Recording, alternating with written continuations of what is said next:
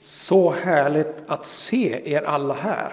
Ni som sitter här inne i kyrkan, men också ni som finns framför skärmar någonstans i Karlstad, Sverige eller världen, vad vet jag. Eh, vi är samlade till gudstjänst och temat för det jag vill säga idag är just närmare Gud och närmare varandra. Det kan ju tyckas lite konstigt att säga, ska vi komma närmare varandra när ni förmodligen som kom in här har fått höra att ni får inte sitta för nära eller vara för nära någon annan. Men jag tror att man kan komma nära varandra fastän man rent fysiskt håller lite sådär lagom distans.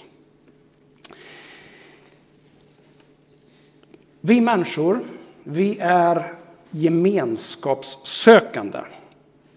Har du prövat att vara själv en hel dag? Eller två dagar? Eller kanske en hel vecka? Är det någon här som har varit alldeles själv en vecka utan att träffa någon människa? Någon? Räck upp en hand om du har gjort det. Nej, det är ingen. Är det någon som har varit själv tre dagar utan att träffa någon annan? Ja, det är någon enda här. Men vi människor, vi vill inte vara själva speciellt länge. Det kan vara skönt en stund ibland. Det kan vara skönt någon dag eller två. Och få liksom bara koppla av och sådär. Men i längden så blir det väldigt, väldigt tråkigt. För vi älskar att vara tillsammans och vi söker gemenskap av olika slag. Profeten Jesaja, för eh, många hundra år sedan, han uttryckte som så här. Sök Herren medan han låter sig finnas. Åkalla honom medan han är nära. Ett uttryck för och en uppmuntran till att sök Herren, sök gemenskap.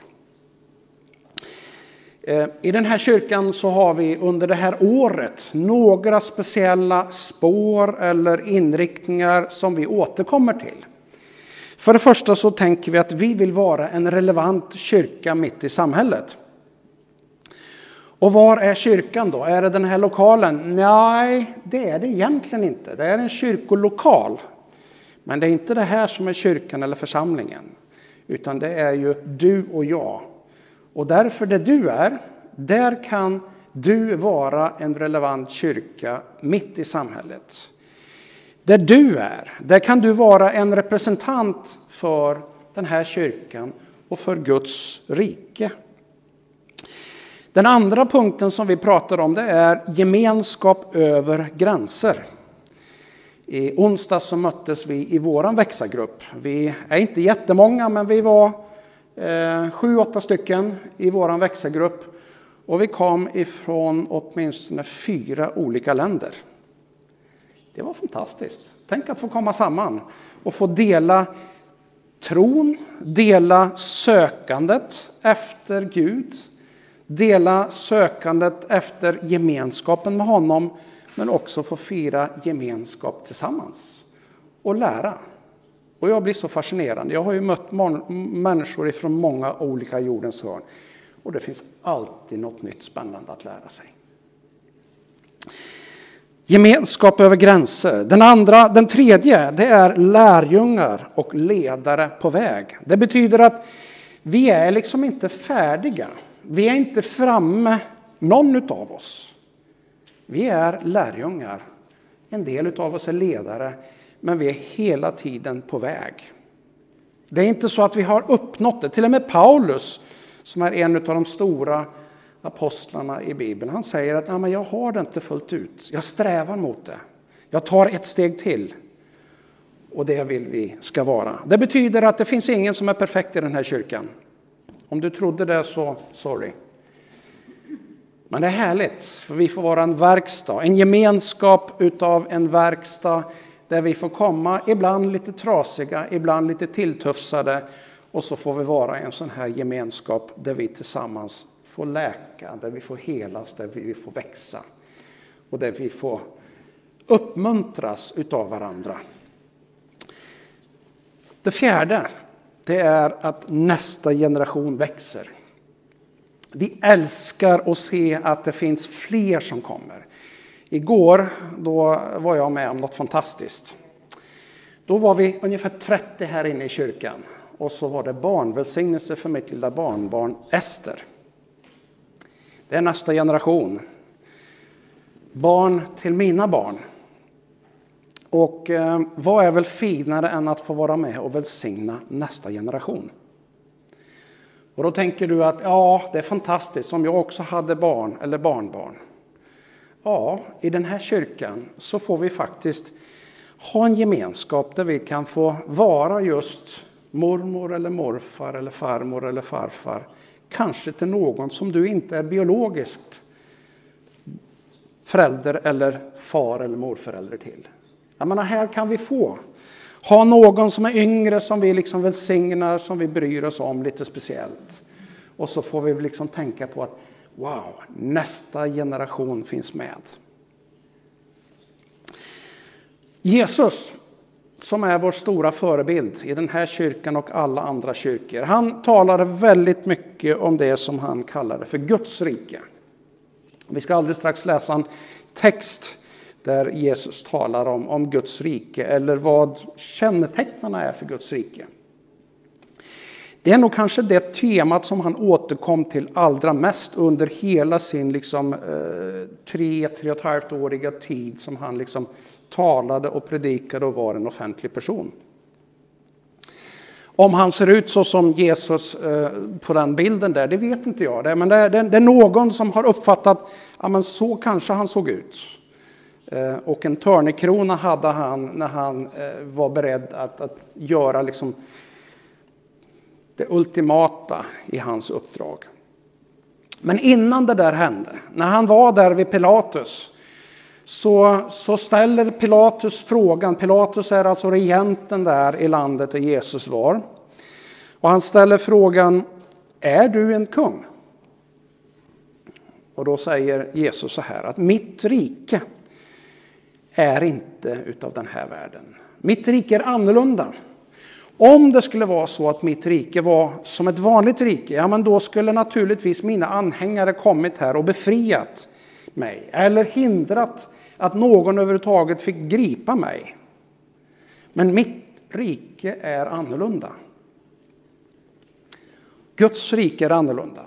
Och sen så, några ögonblick senare så säger han, för en sak har jag kommit. Och jag är kung och jag har kommit för att vittna om sanningen. Sanningen som ska göra människor fria. Det är det jag har kommit för att vittna om. Så det här riket som Jesus talade om gång på gång på gång på gång. Det är ett annorlunda rike. Och låt oss gå till Matteus 5 och så läsa eh, några verser där. Ibland så kallas det här för saligprisningarna. Och ordet salig är inte kanske ett ord som vi använder så där jätteofta. Så jag var tvungen att fråga lite olika människor. Hur skulle du beskriva salig? Jag vet inte om du har använt det ordet idag eller den här senaste veckan. Eh, men det finns och jag fick kommentaren, ja det här är ju ett, kanske i första hand ett religiöst ord. Och jag kollade lite grann i lite synonymer och ja, några ord som jag fick upp det är säll eller lycklig. Eller lycksalig. Själaglad. Det använder vi ibland va? Själavag, glad, det är att vara salig. Rusig av lycka, nästan lite berusad av lycka. Det är att vara salig. Frälst var ett annat ord som användes. Himmelsk, paradisisk, överjordisk eller förtjust. Några sådana här uttryck som kanske fångar det här ordet salig. Jag ville bara att du ska ha med det när jag läser den här texten. Vad är det Bibeln och vad är det Jesus säger och menar med att vara salig? Det står så här i Matteus 5, 1-10. När Jesus såg folkskarorna gick han upp på berget. Han satte sig ner och hans lärjungar kom fram till honom och då började han tala och undervisa dem. Saliga är de som är fattiga i anden, för dem tillhör himmelriket. Saliga är de som sörjer, för de ska bli tröstade. Saliga är de ödmjuka, för de ska ärva jorden. Saliga de som hungrar och törstar efter rättfärdighet, för de ska bli mättade. Saliga är de barmhärtiga, för de ska få barmhärtighet. Saliga är de renhjärtade, för de ska se Gud. Saliga är de som skapar frid, för de ska kallas Guds barn. Saliga är de som blir förföljda för rättfärdighetens skull, för dem tillhör himmelriket. Jag vet inte hur du kände när vi läste den här texten och om du möjligen hade kvar i minnet Lycklig är du om du sörjer. Eller lycklig är du om du blir förföljd. Eller lycklig är du om du hungrar. Eller törstar. Är det inte så att vi vill bli av med allt det där? Är det någon som vill bli förföljd? Är det någon som vill ha det jobbigt? Ja, egentligen vill vi ju inte det. För några veckor sedan så träffade jag en god vän till mig. En klok ledare. Och vi satt och samtalade och i samtalet så leddes vårt samtal i den riktningen. Så sa han efter ett tag. Vet du, det är viktigt att tacka Gud för det jobbiga. Varför? Jo, därför att det jobbiga, det för dig troligen närmare Gud. Och det är viktigt. Det är saligt. Eller det är välsignat, som är ett annat ord man skulle kunna använda. Det är inte så lätt, sa jag. Det är inte så lätt att tacka Gud för jobbiga saker. Och jag har smakat på det där. Jag tänkte på det att det var inte så lätt att tacka Gud för att mitt barnbarn Vera dog för ett par år sedan. Men jag kan i alla fall tacka Gud för ljusglimtar som har kommit efter det. Och igår var en sån här ljusglimt när lilla Ester, ibland kallas regnbågsbarn, ni vet efter ett, ett åskväder, efter storm, så kommer ofta solen och då kommer regnbågen. Och igår fick vi välsigna lilla Ester. Närmare Gud och närmare människor. Alltså livets prövningar kan ibland föra oss både närmare Gud och närmare människor. Och när Jesus talar om de här saligprisningarna eller de här lyckliga påståendena. Lycklig är du, eller välsignad är du om det här och det här händer. De är inte helt lätta att smälta. Men de säger någonting om den här Gudsrikeskulturen. Det säger någonting om den här gemenskapen som kyrkans gemenskap bör vara präglad av. Guds rike är ju inte bara den här kyrkan. Guds rike är större än så.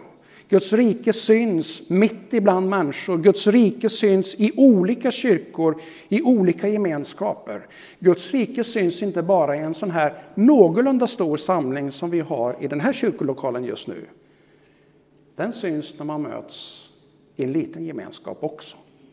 Guds rike syns och tar plats när du möter dina kollegor, kanske två, tre stycken och tar en kopp kaffe. Eller du möter en vän och ni sitter på tu man hand. Där i mitten finns också Guds rike. Det säger Jesus. Guds rike är mitt ibland er. Och de här saligprisningarna, på något vis så fångar de lite grann centrum utav den här Gudsrikeskulturen. Jag har formulerat om det här lite grann för att göra det lite begripligare för mig och kanske blir det lite begripligare för dig också. Och jag kallar det några sådana här Gudsrikesmarkörer. Alltså någonting som kännetecknar Gudsriket. För det första, att vara i behov och inte ha nog själv eller vara självgod eller liksom själv ha allting. Utan i Guds rike så är vi alla i behov. Vi har inte nog. Det räcker inte. Vi har liksom inte allt som vi behöver. Ibland har jag funderat över att vi har det så fantastiskt bra i Sverige. Och kan hända att det påverkar att allt för många människor inte ser och inser att de behöver söka sig närmare Gud och Guds gemenskap.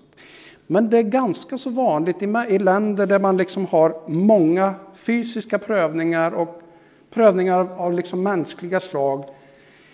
Där man inte har någon utväg. Vad gör man då? Jo, men då söker man sig till Gud. Jag tror att svenskarna är likadana egentligen. När det riktigt brinner till, då, då, då ber man en bön även om man inte är riktigt säker på om det är någon som hör den bönen. Det där, att liksom känna att ja, men nu har jag inget alternativ. Jag bara måste söka mig till någon större kraft. Någon som är mäktigare, som står utanför den begränsning som jag befinner mig i. Det där är någonting som hör Guds rike till. För det andra, så att vara längtande och hungrig eller törstig på det som hör till Gud. Det är någonting som hör Guds rike till. Det där att ja, men jag vill ha mer. Jag vill faktiskt komma till trons gemenskap. Jag vill möta andra människor. Jag vill dela gemenskapen. Jag vill be, jag vill sjunga tillsammans med någon annan. Jag är hungrig på det där som inte bara hör till livets vardag att göra, utan också hör till det gudomliga. Det som sträcker sig längre bort än här och nu och som sträcker sig över tid. Gudsriket är frids och fredsskapande. Frid handlar om den här inre friden, friden i hjärtat, i själen, i själslivet. Och freden handlar inte minst mellan människor. Gudsriket kännetecknas av att det är fred och frid som man eftersträvar. Sörjande. Ja, vad är det för någonting? Sörjer gör man därför att man har älskat. Eller hur? Om man inte älskar, då sörjer man inte. Men den som man har älskat och av någon anledning inte har nära sig, vilket det är en, en kort separation eller det är en lång separation eller en ja, livslång separation. Den man älskar, den sörjer man. Och om man inte har älskat så har man ingen anledning att sörja, förmodligen. Så att sörja, det är ett sånt här tecken på att du är en älskande människa. Inte alltid lätt. Men att vara en älskande människa som också sörjer någon fattas dig. Det är någonting som hör Guds rike till. Barmhärtighet och omtanke Ödmjukhet, också några sådana här kännetecknande saker. Medlidande med den som har det lite besvärligt, den som jobba, jobb, har jobbigt. Att vara beredd att sträcka ut en hand. Finns någon i trons gemenskap, i Gudsrikets gemenskapen, i församlingens gemenskap som sträcker ut en hand när det behövs. Ska bara nämna den sista saken. Det är också så här att Gudsriket passar inte riktigt alltid in i det omgivande samhället. Ibland är det så här, Jesus sa det väldigt tydligt, mitt rike är inte av den här världen, det är annorlunda.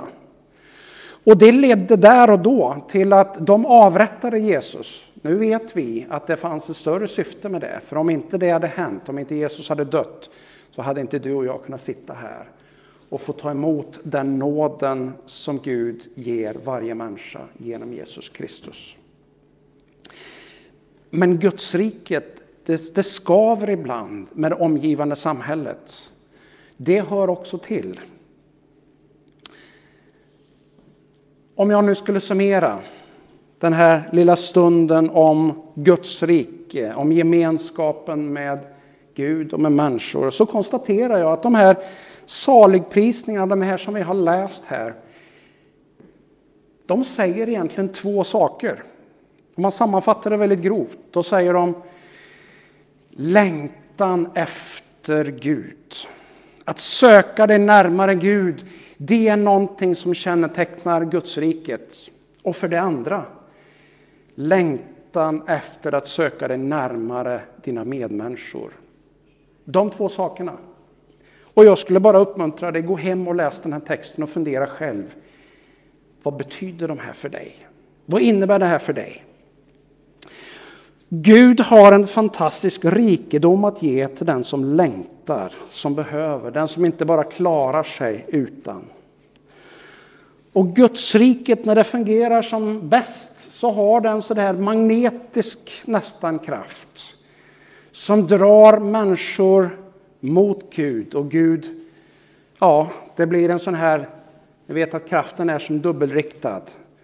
Men den är också så att den drar människor mellan varandra ihop. Det är inte så här att din längtan efter Gud bara gäller Gud. Är den äkta så kommer den också leda till att du drar dig närmare andra människor. Därför att vi behöver varandra. Och det är Guds tanke att gemenskapen ska vara så här. Det jag nu har berättat för dig, det är inte någon kvalifikationslista. För det skulle ju kunna vara så här att du känner att ja, men jag, jag matchar inte, jag, jag kan inte sätta check på alla de där sakerna. Då tänker jag att då ska du inte bekymra dig. Är det någon som passar? Är det någon som du kan känna igen dig på? Är det någon som du kan identifiera dig med? Fine, det räcker. Och så låt det få ta plats och växa i ditt liv. Och jag skulle vilja säga som så här. För, för, för någon vecka sedan så satt vi några stycken och samtalade och så tittade vi på ett litet videoklipp av en pastor som heter Magnus Malm. Och han uttryckte det som så här. Kom till Jesus som du är, med det du har. Och så får du se vad som händer. Och det är en ganska spännande tanke. Du behöver liksom inte göra det mer krångligt än så. Och det gäller dig om det är liksom för första gången som du hör om Jesus. Eller om du har levt med en relation till Jesus hela livet. Kom tillbaka igen. Kom till Jesus som du är, med det du har. Och lägg det där framför Jesus. Det här, så här är det. Den här är jag. Det här har jag med mig. Gör vad du kan göra med det. Och då är det så fantastiskt, för att sannolikheten är väldigt stor att han kommer göra något fantastiskt med dig. Nu ska jag sluta. Jag ska bara skicka med en utmaning. En utmaning. Vilket är ditt nästa steg? Vad är det som du kan ta, kanske inspirerad av den här gudstjänsten idag? Kanske inspirerad av det jag har försökt att dela. Är det så att du eh, behöver ta ett steg närmare Jesus? Han är aldrig längre bort än en bön, en tanke. Är det så att du vill gå med i en sån här liten gemenskap som möts hemma? Vi kallar det ofta för växagrupp i den här kyrkan. Men det finns också andra små gemenskaper. Vill du vara med i en sån? Ja, då kanske du ska ta ett sånt steg. Eller är det så att du är med i en sån, men känner att ah, men jag vill bjuda med någon annan? Ja, då kanske det är ett sånt steg du ska ta. Vi ber tillsammans. Gud i himlen, tack att vi får närma oss dig. Och du bara står där med kärleksfullt leende och utsträckta armar och välkomnar oss. Och Herre, vi behöver inte komma med någon meritlista, utan vi får komma precis som vi är med det vi har. Och så tar du emot oss. Tack att, tack att vi också får sträcka oss mot varandra. Och så får vi ta emot värmen från varandra. Jag tackar dig. Välsigna mina vänner som lyssnar här. Här i kyrklokalen. Eller någon annanstans.